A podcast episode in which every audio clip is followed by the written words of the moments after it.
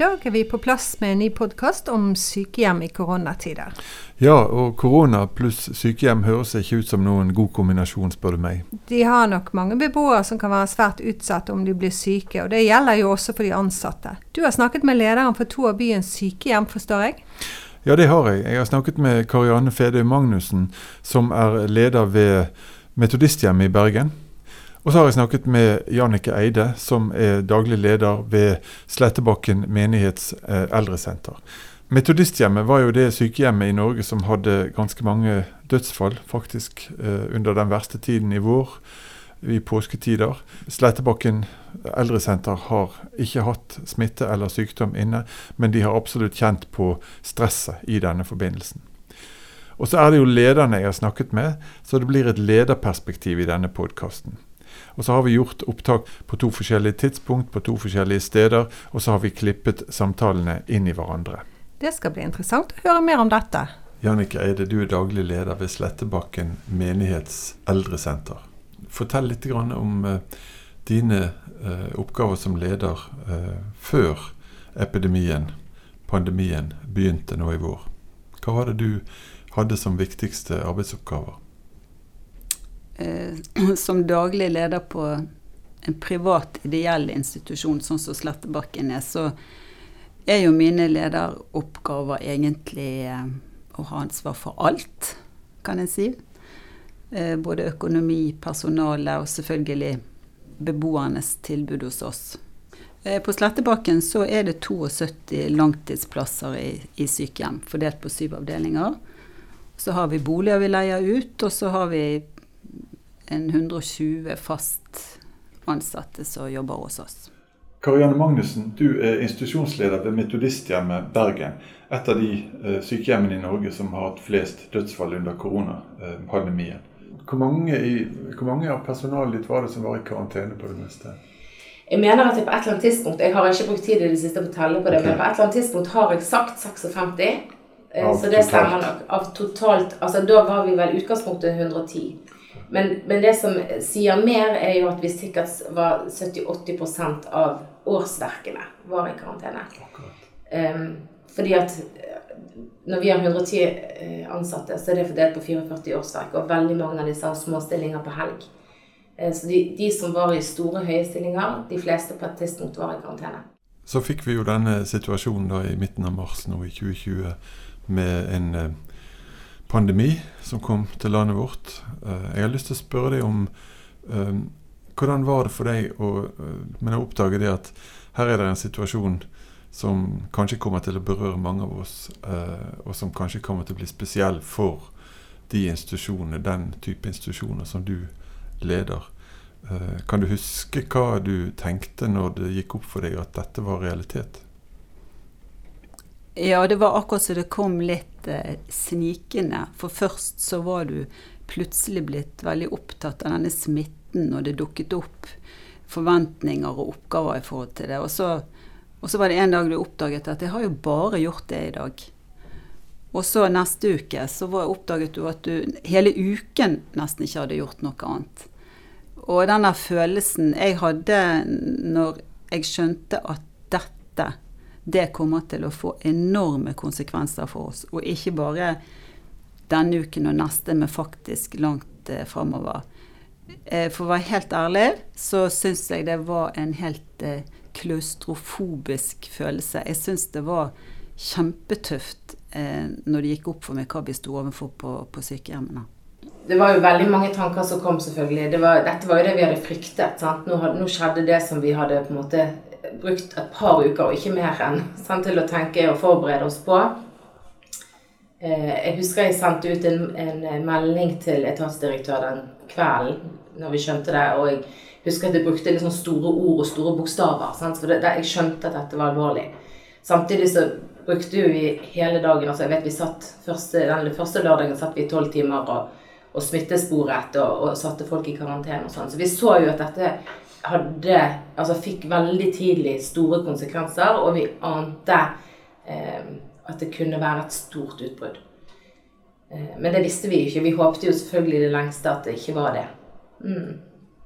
Men du hadde jo antagelig en sånn gradvis oppvåkning fra å tenke at eh, vi har ikke smitte til at vi har smitte. Ja, Så, ja. Si litt om den prosessen der. akkurat hvordan, altså, Var det noen tidspunkt det virkelig liksom gikk opp for deg i all tydelighet? Ja, altså det var vel den, den eh, 2. april når eh, en ansatt eh, Eller 2. april var det en ansatt som, som var blitt smittet. Og heldigvis tenkte vi da, så var det såpass lenge siden hun hadde vært på jobb. At vi der og da, og ut ifra det som var retningslinjene, så var vi liksom godt innafor at hun ikke kunne vært eh, Noen kunne ikke være nærkontakter til henne, da. Eh, Den 4. april, det var lørdagen, pa- palmehelgen, da var, kom ansatt nummer to, som var kollega med denne eh, på samme avdeling osv., eh, og hadde testet positivt.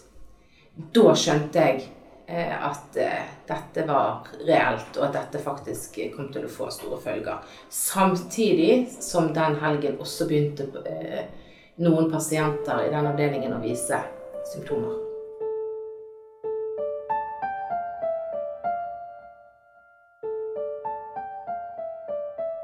Reaksjonen fra de ansatte eh, de første dagene?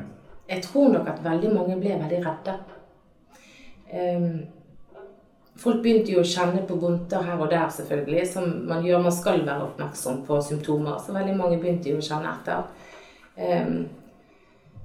Og da, på det tidspunktet tok vi ikke noen sjanser. Vi hadde vært ganske sånn lojale mot de smittevernrådene som hadde lagt før i forhold til eh, at du skal ha luftveissymptomer, eller det skal være måte litt alvorlige symptomer som skal gjøre at du skal holde deg vekke fra jobb. Da. På det tidspunktet så begynte vi nok å ha en mye mer sånn eh, føre var. Eh, ok, hvis du kjenner på noe som du tror kanskje, så må du holde deg hjemme. En del hadde også ønske om å få vite sånn Hvem er det som er smittet? Sant? Altså, um, informasjonsbehovet er jo stort. Eh, og så føler vi som, som ledere at vi informerer godt når vi informerer om rutiner, og sånn skal dere gjøre, og sånn skal dere gjøre. Mens informasjonsbehovet til ansatte nok har handlet mer om eh, hvem er det, kan jeg ha vært i kontakt med den personen, hvordan føler den personen seg, hvordan er han i dag? Altså, de var veldig opptatt av sånne ting. Og det tror ikke jeg tilstrekkelig forsto på det tidspunktet da, som leder. At det var det de egentlig hadde behov for. Og egentlig så, så kunne vi jo heller ikke gå ut med navn og nummer si, til vedkommende. Sant? At det er jo taushetsbelagte opplysninger. Eh, Så, men det er et vanskelig landskap å bevege seg i som leder. Jeg har lyst til å spørre deg, Jannike. Um, dine ansatte, hvordan har de opplevd denne situasjonen? Jeg tror at alle ansatte ville svare at de syns det har vært tøft. At dette har vært en veldig tøff erfaring, og at de gjerne skulle vært foruten. Det som har vært aller tyngst dette halve året, det er redselen for å være den som bringer smitte inn på eldresenter. Mm. For da handler jo det om at du smitter beboere som du bryr deg om. Mm. Og så vet du at dette her vil være dødelig for noen av beboerne våre. Mm. Eh, og selvfølgelig så har jo mine ansatte fulgt situasjonen på de sykehjemmene som har hatt utbrudd. Og jeg tror alle tenker at dette kunne vært hos oss, og la det bare ikke skje. Mm. Så um, Og den redselen for å bli smittet sjøl, det har jo ført til at eh, mange ansatte i sykehjem har levd ekstremt restriktivt. Ikke bare da i starten, men òg i fortsettelsen. Mm. At de har vært veldig strenge med seg sjøl. Og um, jeg vet at det var noen som syntes det var utrolig deilig når de fikk sommerferie, for da kunne de endelig bli syke. altså de trengte ikke være så redd for å bli syk. Um, jeg regner med at du hadde noen samtaler med de ansatte, enten enkeltvis eller i grupper, om akkurat det temaet der. Hva, hva kan jeg gjøre med denne situasjonen? Hva kan jeg gjøre? Hvordan skal jeg leve? Hvordan skal jeg oppføre meg? Hva skal jeg opp, observere med meg sjøl, min egen tilstand, for å ikke bli den som tar med meg smitte inn på huset? Altså Som daglig leder så blir det jo min oppgave å sørge for at mine ledere er i stand til å gjøre sine ansatte trygge i en utrygg situasjon. Det har liksom vært min tanke hele tiden. Det er min oppgave. Um, For det er jo, og avdelingslederne mine, de har Altså vi har på en måte kjent på det samme hele veien nedover, kan du si, i organisasjonen. Men de har brukt masse tid på å snakke om dette her. På personalmøter, i rapportsituasjoner. Og særlig da i starten, når angsten liksom bare lå og svevde i rommet på, på avdelingene. Og så Samtidig så må du da På et eller annet punkt så ble vi enige om at eh, nå må vi sørge for at ikke vi snakker om det hele tiden og at ikke vi ser alt som er på TV, og leser alt som står i media. Så hele denne balansegangen for å takle å stå i en sånn krise over lang tid, det har vært et tema i min ledergruppe hele veien. Og til sommerferien så oppsummerte de tillitsvalgte og arbeidsmiljøutvalget at de opplevde at vi hadde klart å skape så mye trygghet som mulig i en veldig ekstremt utrygg situasjon. Og var, Det var en av de dagene jeg var kjempefornøyd. Hva, hva, er det som har fungert mest trygghetsskapende? Altså, hva er det slags beskjeder eller øh, tanker eller kunnskaper som har vært mest trygghetsskapende? Altså når jeg hadde en runde med avdelingslederne mine der vi prøvde å oppsummere nå rett etter ferien, altså i august, øh, så, så da sa de at de hadde oppdaget at kunnskap Altså det at vi vet hva vi holder på med, det skaper trygghet. Og det at våre retningslinjer for hva, hvordan vi skal gjøre ting, at de er så tydelige som mulig. Det skaper trygghet. Mm.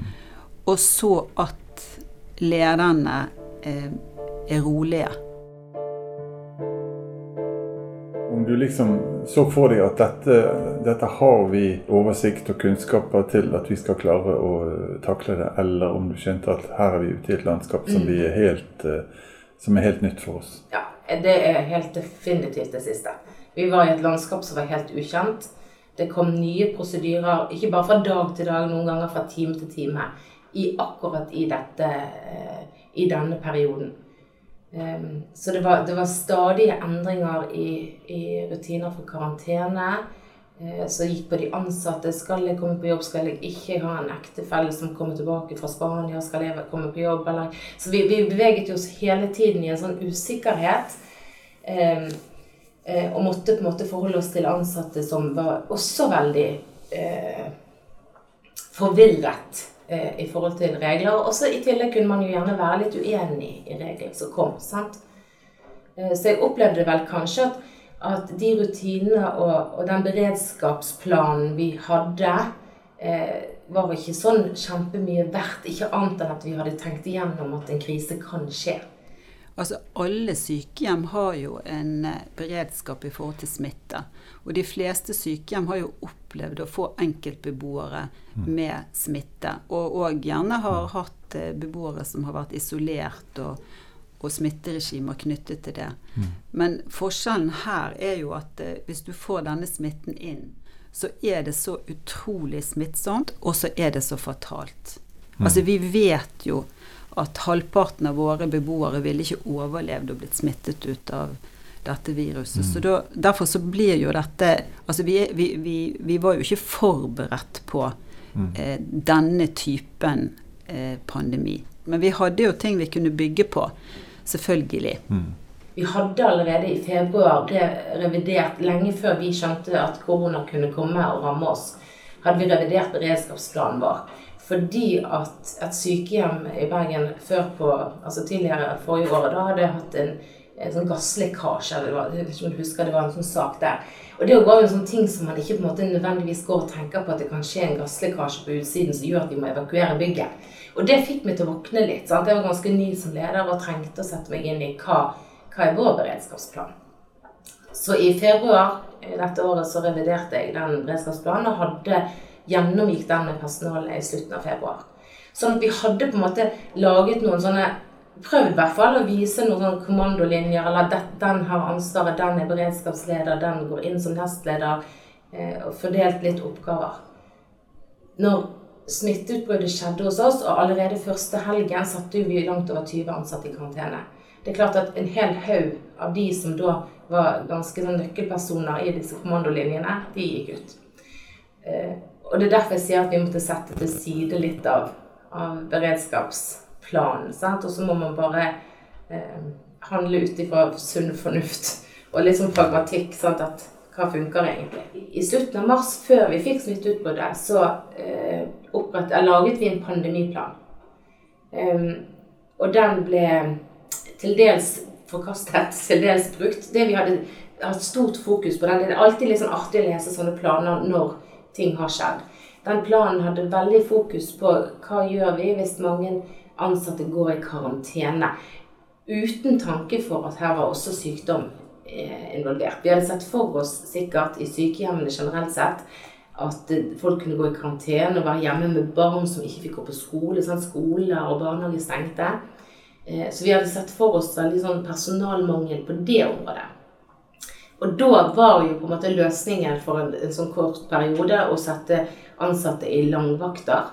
Dvs. Si at istedenfor å jobbe tidligvakt og seinvakt, så jobbet de både en tidligvakt og seinvakt. Og så gikk man på en måte Fikk man eh, Trengte man færre folk på den måten, da. Og så hadde vi vurdert hvor, hvor, lite bemanning kan vi gå ned til for at det fremdeles er forsvarlig. Eh, og det hadde vi satt helt sånn klare tall på. Både på dag, kveld, natt og helg. Eh, og da også hvilke oppgaver må gjøres, hva kan vente. Så sånn, sånn hadde vi tenkt på.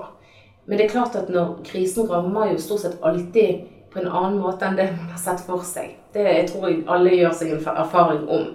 Eh, og også vi. Det er klart at vi kunne ikke tenke hva er ikke Altså, vi, vi kunne ikke gå ned på bemanning. Vi visste etter hvert som, som, vi fikk positive testresultater på beboerne, at vi kom til å få mange syke.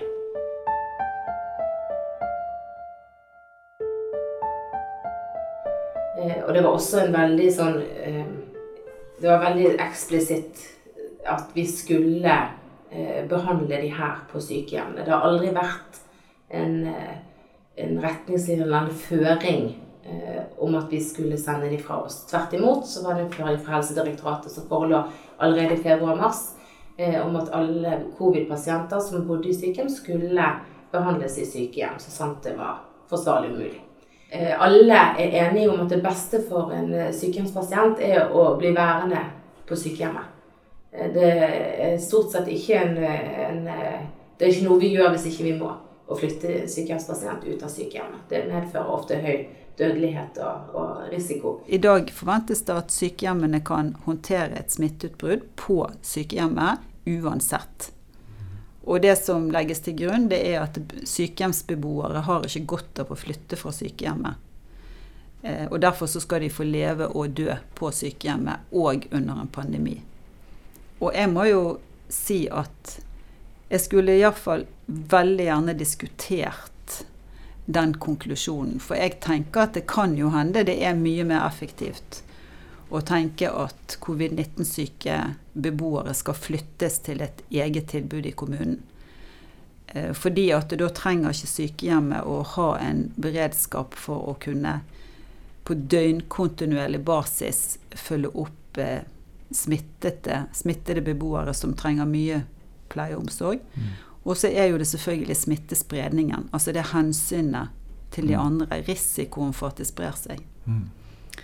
Eh, men nå, ja, nå kommer vi over på politikken her. For dette i Bergen har man jo lagt Eller der har en lagt seg på den linjen at de skal så sant det lar seg gjøre, så skal dette håndteres i det enkelte sykehjem. Jeg tror jo at de som jobber i sykehjem, de, de, vet jo hva dette handler om for våre beboere. Og de vet jo hvor sårbare de er, og de vet jo hvordan våre beboere De lever jo i kollektiv i sykehjemmene. Sånn de er så tett. Eh, og smitten sprer seg veldig lett. De hadde jo etterspurt f.eks. smittevernsutstyr i hele mars. Og hadde egentlig et ønske om å bruke fullt smittevernutstyr allerede tidlig i mars.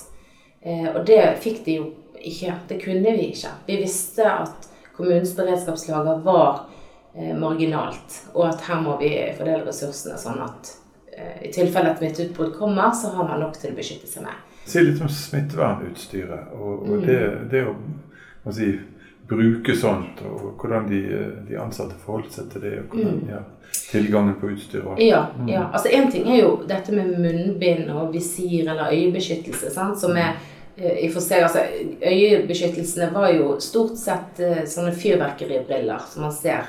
Sant? Det lignet kanskje mindre på de bildene vi fikk fra intensiven og fra sykehus eh, med, med ordentlig visir og sånn. Vi fikk tilsendt kasser med fyrverkeribriller.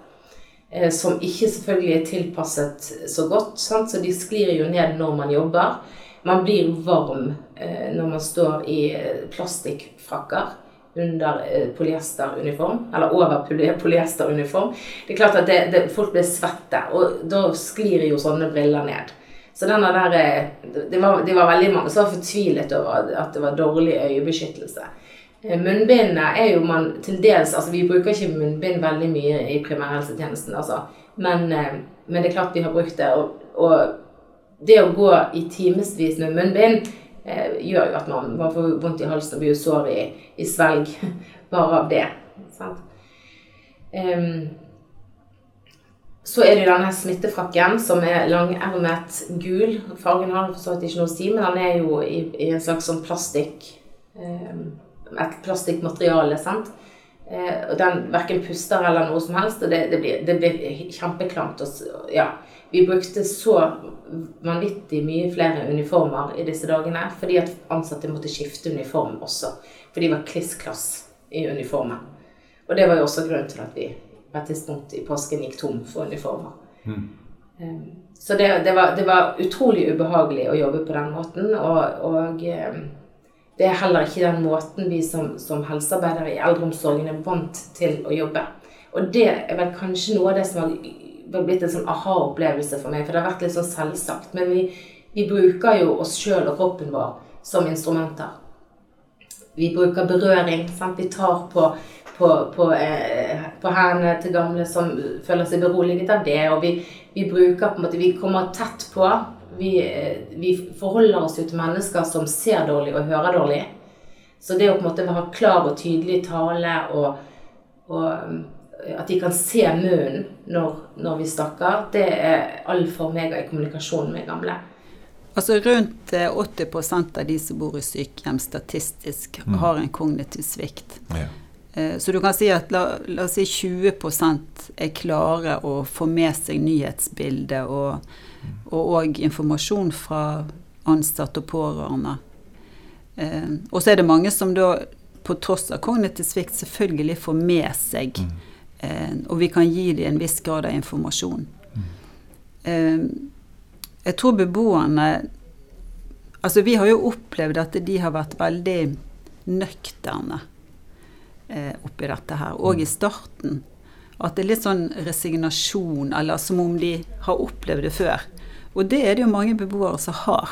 Altså, de har jo en helt annet forhold til det med smitte enn vi har. Og de har jo opplevd stigmatisering pga. smitte. Og, og, de, og mange beboere har jo opplevd òg dette med krig og portforbud. Sant? Dette her med å ikke kunne gå ut av institusjonen, ikke kunne treffe pårørende. Så det har jo vært tankevekkende sant? at de, står, de har et annet ståsted fordi at de har levd lenger. Mm. Eh, de fleste beboerne, da. Mm. Og at de tok det med en stor ro. Det, det Jeg vil si at det er min oppsummering. Vi begynte jo på en måte å endre rutinene våre drastisk eh, allerede i begynnelsen, midten av mars, eh, i forhold til besøksrestriksjoner f.eks.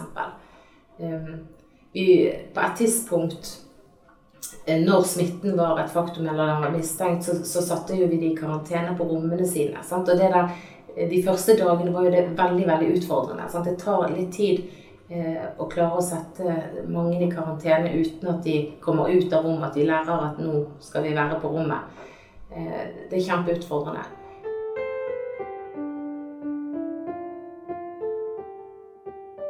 Jeg tror nok noen ble redde. Noen tenkte blås. Vi har vært ute en vinternatt før. Eh, Jeg tror at det var ulike reaksjoner på det. da. Og noen fikk ikke nødvendigvis med seg så veldig mye. Mm. Så noen av beboerne har antagelig opplevd både epidemier og pandemier tidligere i livet sitt. Ja, Og krig. Og krig med innesperring og alt mulig. Ja. Ja. Så veldig mange trekker jo paralleller. De som er kognitivt klare, som, som på en måte kan, kan, eh, kan huske tilbake til det, de trekker faktisk paralleller til, til andre verdenskrig. Det som kanskje ikke nødvendigvis overrasker meg, men som jeg tror nok at vi kanskje i liten grad tar inn over oss, det er jo altså veldig mange føler at sosial isolasjon er verre enn å få korona og dø. Eh, Og det tenker jeg, det setter jo det i et perspektiv. sant? Kan dere observere mangel på sosial kontakt Ja. faktisk er sykdomsfremmende? Ja. Eller, eller, ja. Ja, ja, ja. Det, det så vi veldig tidlig. Det var også noe vi eh, tydelig formidlet til eh, myndigheter rundt oss. At vi så at dette hadde en veldig uheldig effekt på de aller, aller fleste. Når du er 97 år, så har du ikke mye å gå på. på en måte. Da, da er kanskje kvalitet viktigere enn kvantitet. Støtte fra omverdenen når det gjaldt både utstyr, men også f.eks. bemanning og avlastning og sånn. Kan, du- kan du si litt om det? Jeg opplevde på det tidspunktet at jeg fikk eh, hjelp fra etaten. Jeg opplevde at etaten gjorde alt som sto i deres makt for å hjelpe. At de var like fortvilet på våre vegne som vi sjøl var. De var lett å få tak i. De ringte meg opp igjen hvis det var noe. Altså, vi, vi holdt løpende kontakt eh, gjennom hele den perioden. Um, og jeg opplevde at de, de eh, ga positiv tilbakemelding på, på det vi gjorde, og de valgene vi tok. Så vi fikk en liste med liksom sånn hulter til bulters navn, og som vi måtte Vi klarte å hente inn noen få derfra også. Jeg sendte jo ut noen mailer til de andre private ideelle institusjonene. eh, Men alle var jo på det tidspunktet rammet på et vis. De, satt, de hadde høy beredskap. Veldig mange opplevde Jeg snakket med en i går og sa jeg hadde kun én sykepleier igjen sjøl. For de var gått i karantene. Eh, Og jeg har stor forståelse for at andre eh, også må tenke på sin egen beredskap. Men der og da så, så er det klart at det føles jo veldig håpløst. Du skulle jo ønske at noen sa 'her, vær så god'. Um, men, men jeg tror nok at det er noe vi har tatt litt lærdom av, av i forhold til hva, hva kan vi gjøre i fremtiden for å sikre at, at vi kan i større grad klare å hjelpe hverandre. Eh, For det er klart at ingen institusjoner kan håndtere dette som vi fikk helt alene. Vi er en liten organisasjon, en liten stiftelse. Men ingen, vi har ikke noen stor organisasjon i ryggen. Det som jeg tenker, og som opprører meg faktisk, det er at jeg syns samfunnet forventer enormt mye av sykehjem. I denne pandemien så har det blitt veldig tydelig. Alle langtidssykehjemmene i, Bergen har hatt full drift under hele pandemien. Dvs. Si at vi har beboere på alle rom. Eh, og alle våre daglige oppgaver fortsetter derfor under hele pandemien. Med alt det det innebærer. Eh, og så forventes det at vi da i tillegg bygger en beredskap og opprettholder en beredskap. Og setter oss i stand til å kunne håndtere et smitteutbrudd. Det er veldig høye forventninger.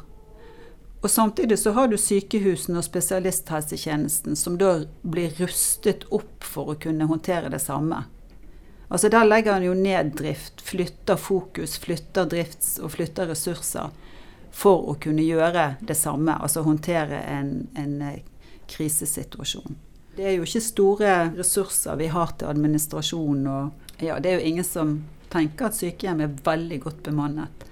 Så dette her er noe som jeg eh, Ja, jeg kjenner at det, det, det gjør meg opprørt. Og innimellom så har jeg følt meg òg i denne situasjonen litt en, litt en avmaktsfølelse. At de kan ikke forvente at vi skal klare alt dette her.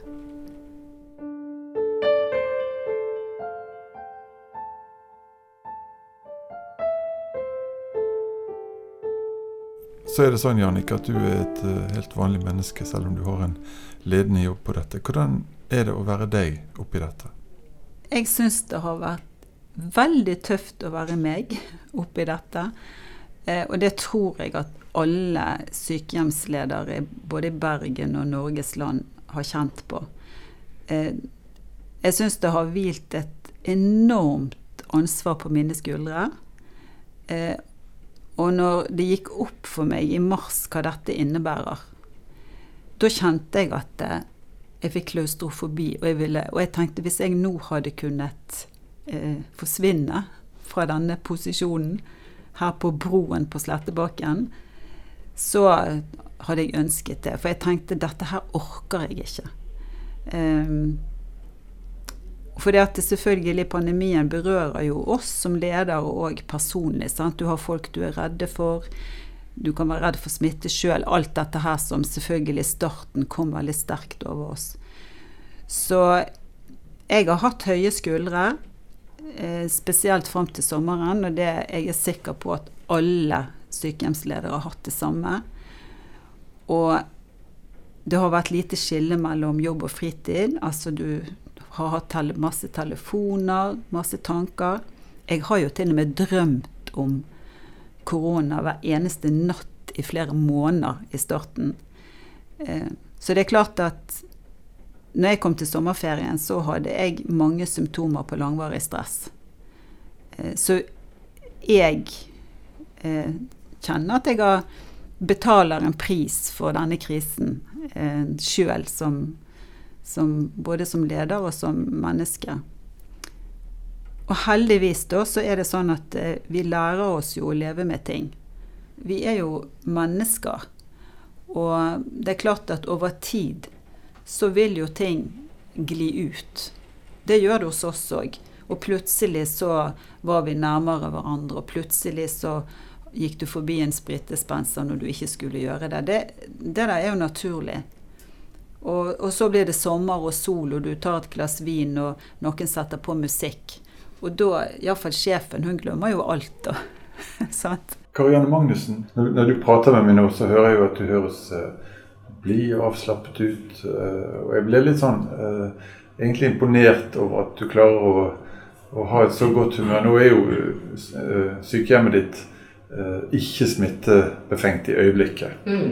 og dere har kommet igjennom dette mm. og fått Eh, anerkjennelse fra bl.a. Eh, fylkeslegen og, og, mange andre steder. Men eh, kan ikke du si litt om hva er det du har gjort sjøl, eh, som det mennesket du er, for å klare deg gjennom dette? Eh, jeg har snakket hull i hodet på folk rundt meg, tror jeg. Jeg tror det er det jeg har gjort. Jeg er jo heldigvis, kan vi si, en verbal type som snakker når jeg får sjansen. og det er også grunnen altså det, det, det er ikke sånn at det ikke koster meg noe å reise rundt og snakke om dette, eller å snakke med deg om det. Men jeg har bestemt meg, bestemt meg veldig tidlig. Nok pga. at jeg ikke fikk Jeg følte at det, det som ble formidlet i media, eh, var ikke min historie, i alle fall. Og jeg tror mange ikke kjente seg igjen i det.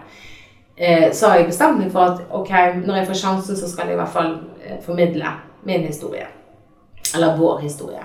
Så jeg har tenkt at det er nok sunt for meg. Eh, jeg kan ikke bruke veldig mye tid. Jeg hadde fire uker i sommer med ferie som eh, tror jeg jeg brukte utrolig mye tid på bare å sove eh, og, og, lese bøker og ikke tenke på sykehjemmet. Men jeg har ikke brukt noe særlig aktiv tid på å bearbeide ting. Så jeg bruker på en måte samtaler med mennesker rundt meg til å bearbeide eh, inntrykk. Og lære hele tiden nye ting av å høre meg sjøl snakke og høre andre snakke. Så, men, jeg, men, jeg, har fine folk rundt meg på jobb. Sant? Jeg har, eh, en, vi er en veldig fin ledergruppe som, som eh, finner mye støtte i hverandre. Eh, og også ansatte har jeg hatt veldig, veldig, veldig mange fine og gode samtaler med. Og så er vi på ingen måte i mål. Og jeg er på ingen måte i mål, og vi ser at vi eh, er en skadeskutt gjeng på mange måter.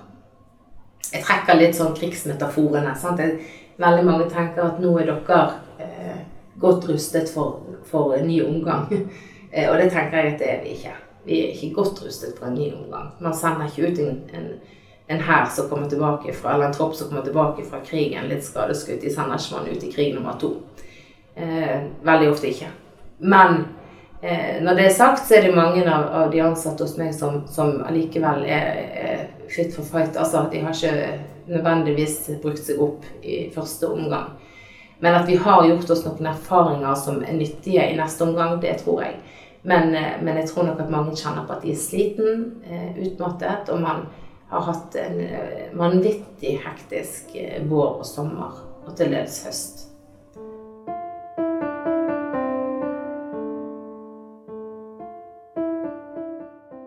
Det var mye fint og tankevekkende å høre her. Ja, jeg syns det de forteller her, vitner om at de har gjort en fantastisk god jobb. Jeg syns det er veldig flott det de sier. Uh, og jeg tenker at både de og personalgruppene deres, og også sykehjemmene i hele Norge, har virkelig hatt mye å ta i i denne tiden. Denne podkasten er laget av RVTS Vest, og du hører på Reidar Tyholt og Renate Haukeland. Dennis Havre står for klipp og regi, og Sylvia Haukenes for publisering. Og da gjenstår det bare å si ha det.